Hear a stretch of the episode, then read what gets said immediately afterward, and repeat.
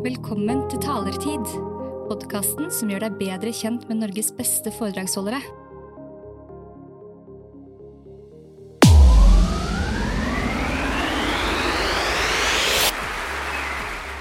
Wow. Pellegrino Riccardi, jeg har hørt deg si at vi bør ha mer kjærlighet på norske arbeidsplasser.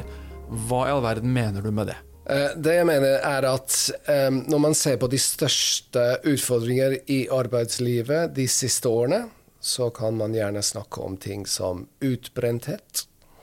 Man kan snakke om ensomhet. Folk er gjerne litt uengasjerte. Eh, De leverer. De når målene sine, men de er litt uengasjerte.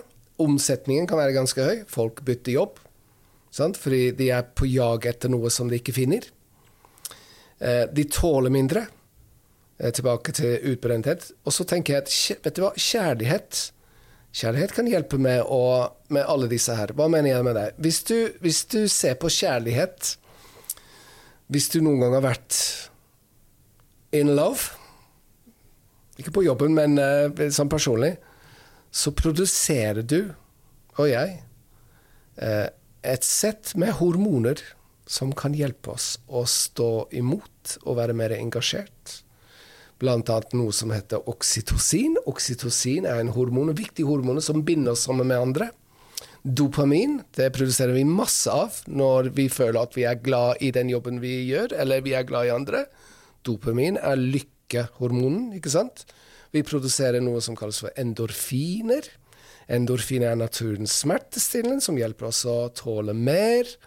Eh, Vi produserer adrenalin, både menn og kvinner produserer adrenalin. Det gjør oss mer våken. Vi følger med. Eh, og, og ikke minst testosteron. Både menn og kvinner produserer testosteron når de er in love. Så hvis vi har mer kjærlighet og omtanke for hverandre på jobben, så produserer vi altså mer av disse stoffene som gir masse positive effekter. Eh, Helt riktig. En slags motgift til de problemene og utfordringene vi har opplevd de siste årene. Du mener at dette også har noe å, Jo, gjøre men på jobben? Jeg snakker om det, det kollegiale, da. Ja. Sant? Den, den, den følelsen at du tilhører noe, du er en del av noe. Du er i et team der vi jobber for og med hverandre. Det er litt sånn lagånd, da. Hvis du ser på de beste fotballagene om dagen, eller se på de verste, da, de som sliter mest. Man United. Jeg er ikke Man United-fan.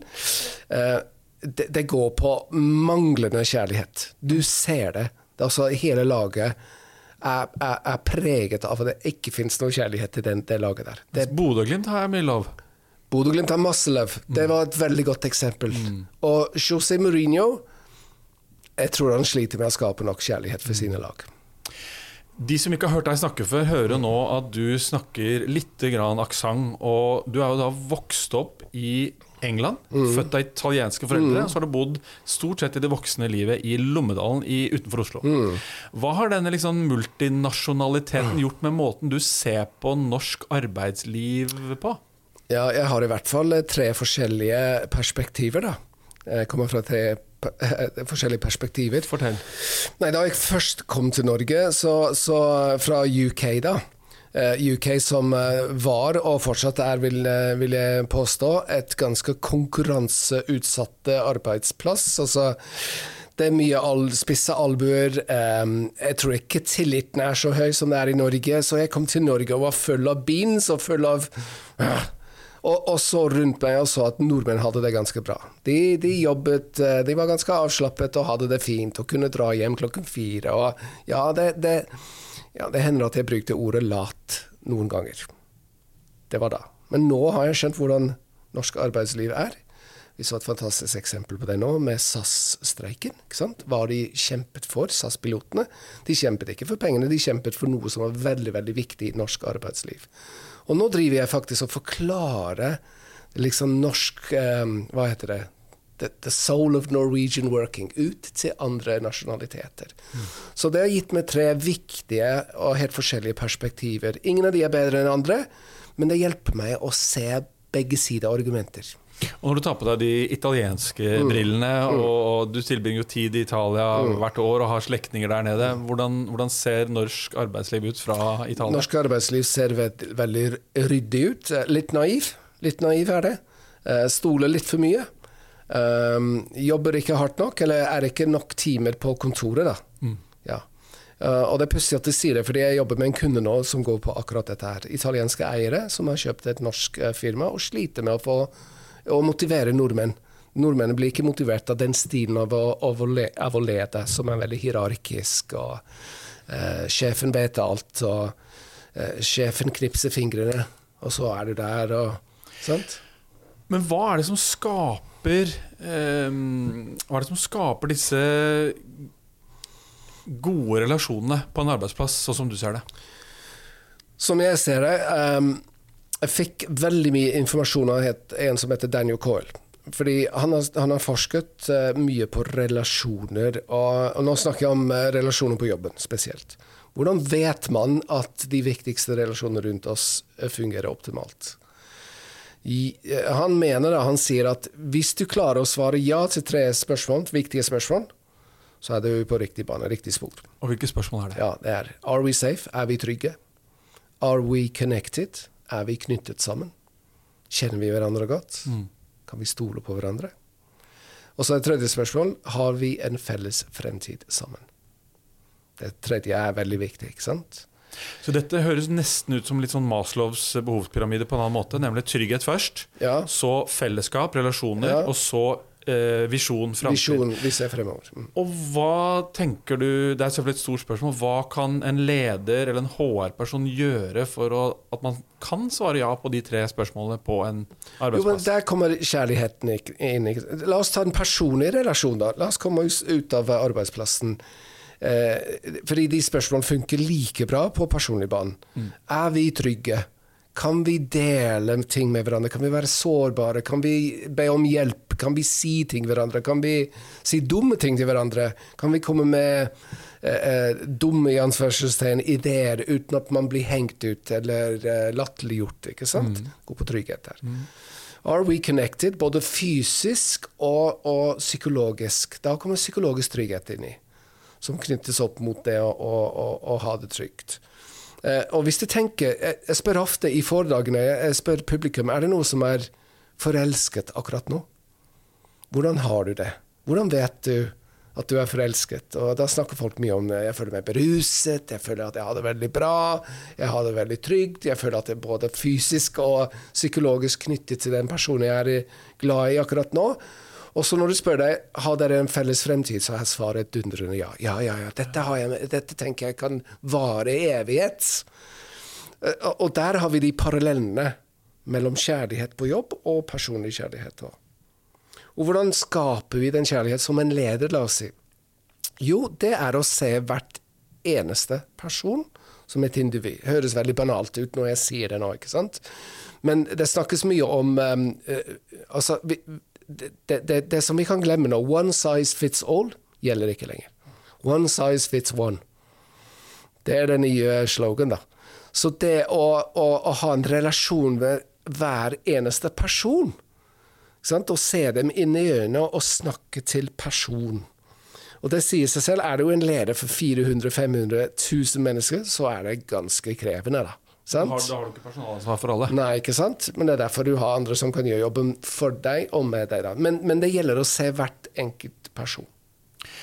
Men for å bare bryte den på akkurat det. ehm, betyr det at en del virksomheter som da ikke klarer å skape den lov, at en del ledere ikke tar den eh, jobben der på alvor? At de ikke ser medarbeiderne nok, anerkjenner dem nok, gir dem nok kred, slik at folk føler seg litt alene og litt usynlige? Nei, ikke at de um, det, jeg, tror at de fleste lederne vet ikke om det. Det er ikke fordi de ikke vil.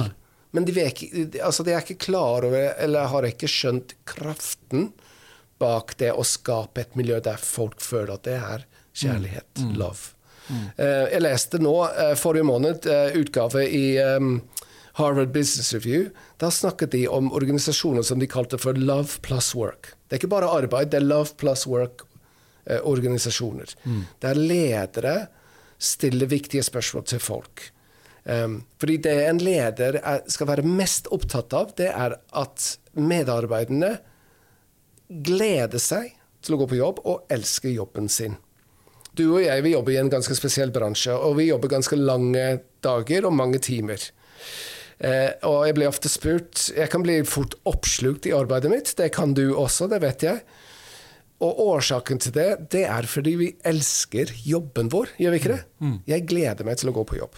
Det er tøft, det er hardt. Jo, det kan være litt slitsomt å, å, å vente i kø på gaten, men jeg elsker jobben min. Det har en mørk side nå, for det er noen i livet mitt som blir litt glemt innimellom. Ja, for du har familie, ikke sant? jeg har familie, og det vet jeg, ikke sant? Og, og prøve å finne den balansen. Eh, men, men, men vi, du og jeg, vi er en minoritet. Så en undersøkelse i USA nå, eh, før pandemien, eh, viste at kun 18% var engasjert i jobben sin. I 2021, under pandemien, så sluttet hele 20% av arbeidsstokken i USA. De, de sluttet i jobben sin. 25% All time high.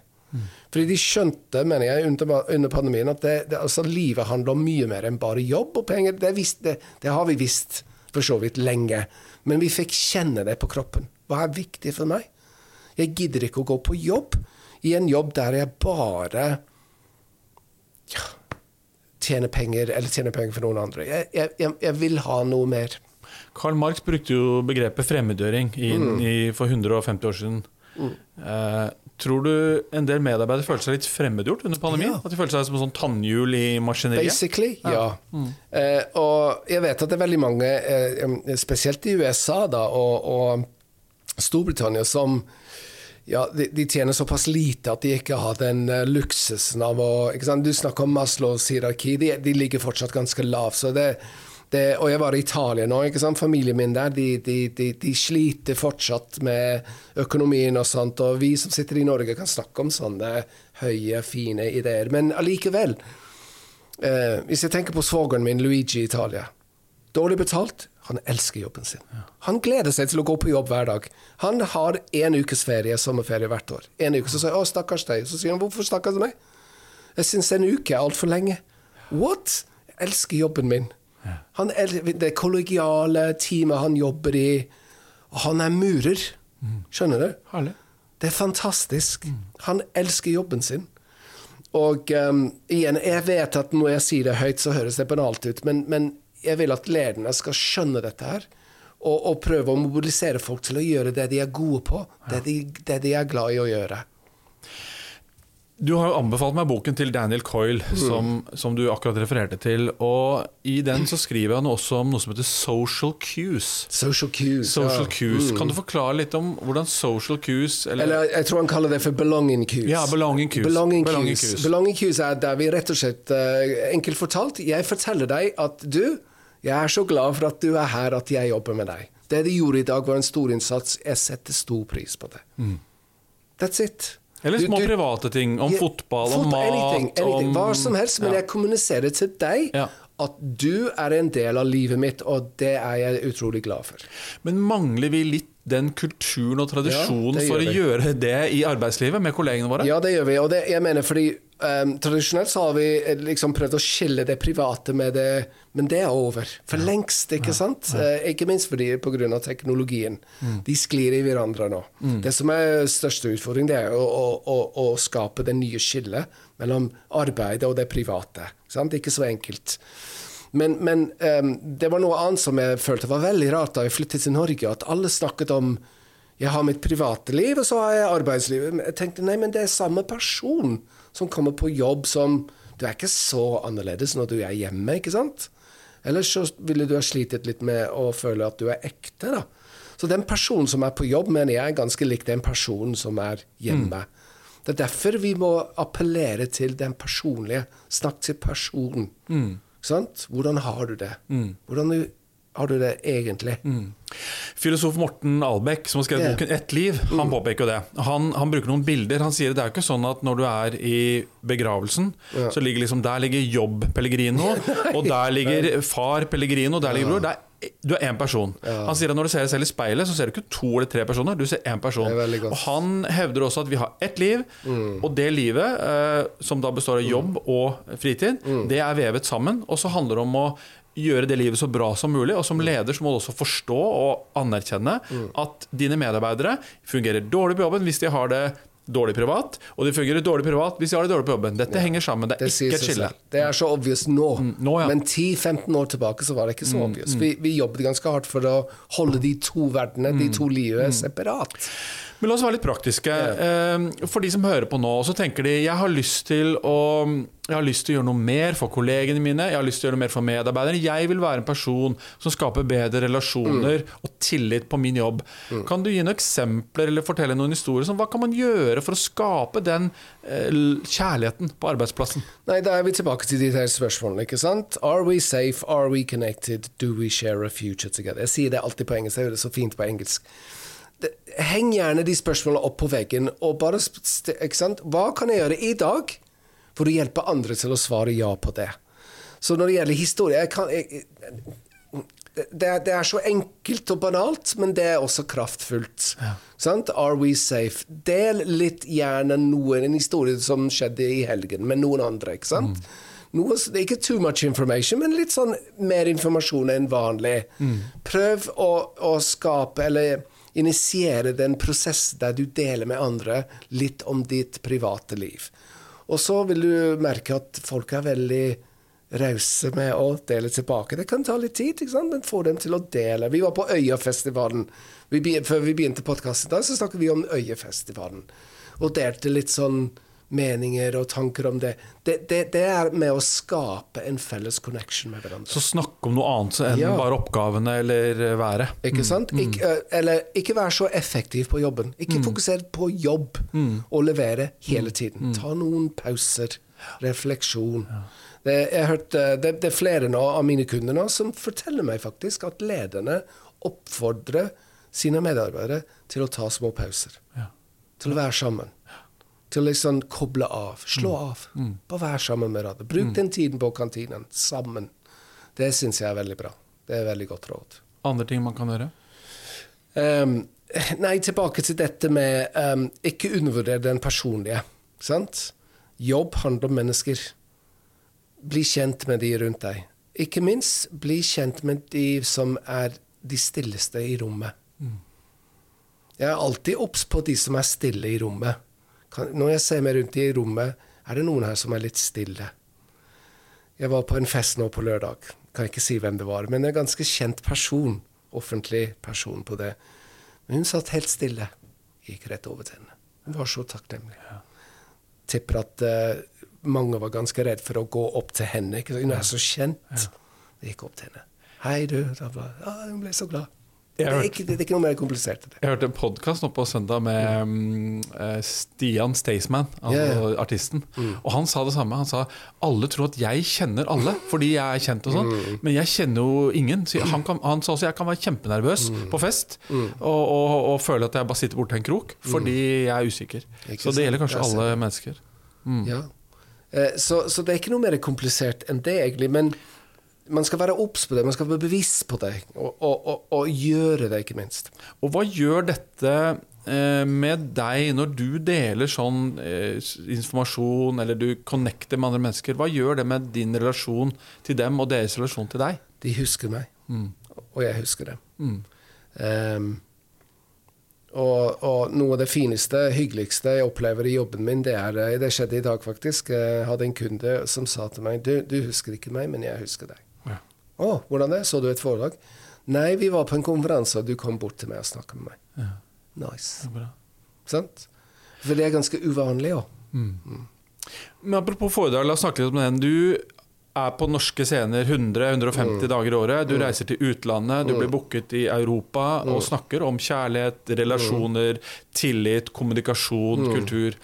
Um, hva er det du ønsker å oppnå når du står på en scene og har kanskje flere hundre mennesker foran deg, eh, og, og ordet blir ditt? Nei, det, det, det jeg er ute etter, det er å se det glimt i øyet. Da vet jeg at jeg har sagt, nå har jeg sagt noe som har gått inn på deg. Jeg vet ikke hva det er. Du behøver ikke å dele med meg hvis ikke du vil, men jeg ser at uh, det jeg sa nå, har påvirket deg på en Hvis jeg kan uh, skape en liten endring hos ett menneske, så har jeg oppnådd noe. Jeg var nylig nå i Brussel på en EU-konferanse. Folk i dress, superformelt, snakket om samme tema. Love in the workplace. Folk som gråt, folk som bare kom opp til meg. Det var så fint. Det var så viktig. Dette, jeg er så glad for at du sa dette her. Så jeg mener at folk går rundt og tenker og, og ymser at dette er viktig, uten at noen har sagt det høyt. Ja. Men uh, du siterer jo innimellom Jack Ma på dette her. Jack Ma. Det er mange som mener at dette med lav det er noe sånn tull. La oss bare ja. gå på jobben og tjene de pengene vi skal, og så bort med det. Hvorfor er Jack Ma en inspirasjon? Nei, Jack Ma var eh, en annen som dukket opp på horisonten. Han var på World Economic Forum og ble spurt, for de som ikke vet hvem Jack Ma er, han er kinesisk grunner og gjort seg rik på teknologi. da. Alibaba? Alibaba. Ja. Eh, kommer på scenen og blir spurt hva trenger vi for å lykkes i fremtiden, og de fleste tror at han skal snakke om viktigheten av teknologi og alt det der. Men han svarer ved å si uh, If you want to succeed, you will need high level of EQ, emosjonell intelligens. Og så sier han uh, faktisk så trenger du en høy grad av LQ. Hva er LQ? The IQ of love. Og, og hvis, du, hvis, du, slår opp det på YouTube, så ser du at publikum blir bare What? Hva, hva er det du snakker om? Uh, men du må ikke til Jack Ma. Til og med han Nicolai Tangen sa, sa det i fjor høst på en konferanse. Han ble spurt uh, hva trenger vi mer av i, i, på arbeidsplassen. Han sa kjærlighet. Mm. Du mener vel uh, finansfolk som er gode med penger? Nei, vi trenger mer kjærlighet. Hvorfor det? Jo, fordi det hjelper. Fordi jo mer kjærlighet uh, folk uh, opplever i, på arbeidsplassen, jo bedre de yter. Og jeg vil ha de beste, og de beste som trives best, de yter best. Sant? Easy, selskapet, teknologiselskapet Easy på Rogaland. Ny stilling. The Head of Love. Mm. De har opprettet en ny stilling. Fantastisk. Da de gjorde det først, mye sånn eh, Ja, ja, det er bare tull, og det er bare tull. Men de bare leverer og leverer og leverer. Og leverer. Og folk stortrives. Og det, det tiltrekker de beste talentene òg. Ja. Vil du heller jobbe i et selskap der du tjener masse penger uten love, eller nok penger der du føler at du er en del av familien og Ikke sant? Det sier seg selv. Mm. Jeg vet hvilken jeg hadde valgt. Du sa i stad at eh, lederen og kollegene gjerne må dele noe som er litt personlig, og vise mm. seg litt sårbar, kanskje kle seg litt naken, for å bruke det uttrykket. Og ja. Du har jo akkurat liksom kledd deg kliss naken i en bok yeah. som du har skrevet. Um, mm. 'Drowning Quietly' på mm. engelsk. Mm. Den er også lest. Mm. Kan du kort fortelle hva den handler om, og hvorfor det du sier der, var en, en stor um, hva skal vi si, at det var en, en, stor bragd for deg å faktisk skrive og gi ut den boken? Jo, jeg ville skrive en bok om relasjoner. Jeg ville skrive en bok der jeg um, ikke bare kledde meg naken, men viste min ekte meg. Det var viktig. Um, fordi jeg vet hva slags um, ja, fasade, da, bruker det ordet jeg har i det offentlige rom, gjennom LinkedIn og Facebook. og det. Jeg ville vise et ekte meg. Um, og med å gjøre det, så har jeg fått utrolig mange fine, hyggelige tilbakemeldinger og meldinger fra folk som sier at dette var viktig, at de, de har sittet med samme følelser og tanker, og nå Det, det, det som, det, som gjennomsyrer de fleste av disse kommentarene, at de, de sier at de, de trodde de var alene. For dette er ikke en managementbok uten å si nei, nei, den handler om? Det er historiefortelling. Det er ja. historiefortelling. Mm. Um, men poenget er at ved å vise hvem du egentlig er mm. A. Du er ikke alene. B. Det, det, fører til en fin prosess der vi kan dele med hverandre hvem vi egentlig er. Du, du vet at en av de største problemene i verden i dag, det er at det er supervanskelig å være autentisk mm. og være deg selv. Mm. Sant? Jeg snakker om kanselleringskultur, woke culture. Bare det å gå på jobb og føle at du ikke kan være det selv. At man tråkker litt på eggeskallet fordi man er redd for å si noe galt. Det er et stort problem. Kjærlighet bryter gjennom alt dette. Men du kan ikke altså, du kan ikke være forelsket i en annen person, og vice versa, med mindre at du er villig til å ta den risikoen at du viser noe av deg selv som motparten kunne bruker mot deg. Skjønner du? Men de gjør ikke det, fordi de, de, de elsker deg. Mm. Men jeg vil tro mange ledere for eksempel, da kjenner på en, en form for potensiell rollekonflikt. For du skal både da være Ja, sjef, du skal riktig. ha lønnsforhandlinger, du skal være et forbilde, du skal være ta- formell. ta lønnsforhandling. Og så, skal du, og så skal du være kjærlighetsfull og omsorgsfull. og At mange kanskje sliter litt med å finne den balansen. Ja, det skjønner jeg veldig godt. Men la oss lønnsforhandling. Eller du skal si noen opp. Tror du det er enklere å få den beskjed fra en som du vet har din, ditt beste på hjertet, ikke sant? Vil det vel? Eller en som er bare lederen i et nummer, som har fått opp, oppdrag i å si det opp? Det er nok det første. Begge to er smertefulle. Ikke sant? Det å miste en jobb, bli sagt opp, er ikke kult. Det er ikke fint. Men jeg vil heller, vil ha, vil heller ha det fra en person som jeg stoler på, som jeg vet er glad i meg. Men har du noe råd til en person som da tenker at det du sier nå, det høres klokt ut, men det er vanskelig? Hvordan kan det være et slags første skritt på, som leder, f.eks., å vise sår- Bare ta skritt. Gjør noe som du ikke har gjort før. Og folk spør ofte hvilken retning skal jeg ta. Mm. Spiller ikke noen rolle. Bare gjør noe, bare gjør noe nytt. Og fall i det hullet, og så kommer du opp igjen, og så prøver du på nytt. Det er ikke noen enkel måte å gjøre det på. Det Mm. er akkurat som å da jeg kom til Norge og lærte å gå på ski. Det er bare én måte å lære å gå på ski. Det er å bare lene deg framover. Go for it. Men jeg har lyst til å overrumple deg med et spørsmål til slutt. Du skriver jo bl.a. i boken om eh, din familie og din oppvekst, og du skriver om en ganske streng og ikke så tilstedeværende far.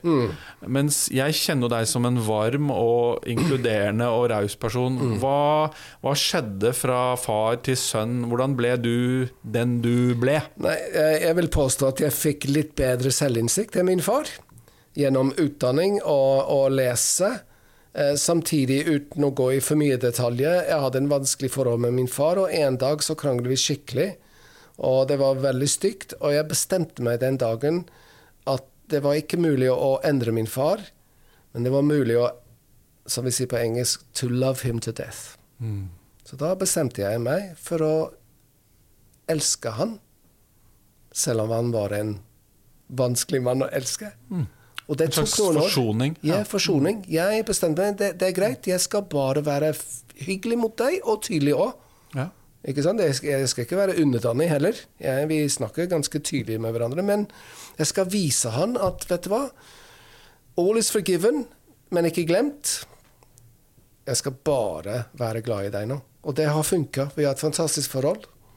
That's the power of love.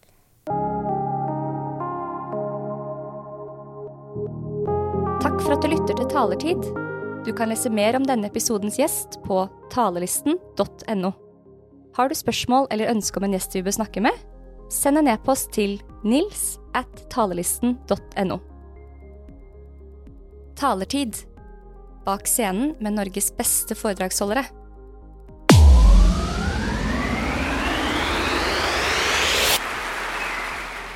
Wow.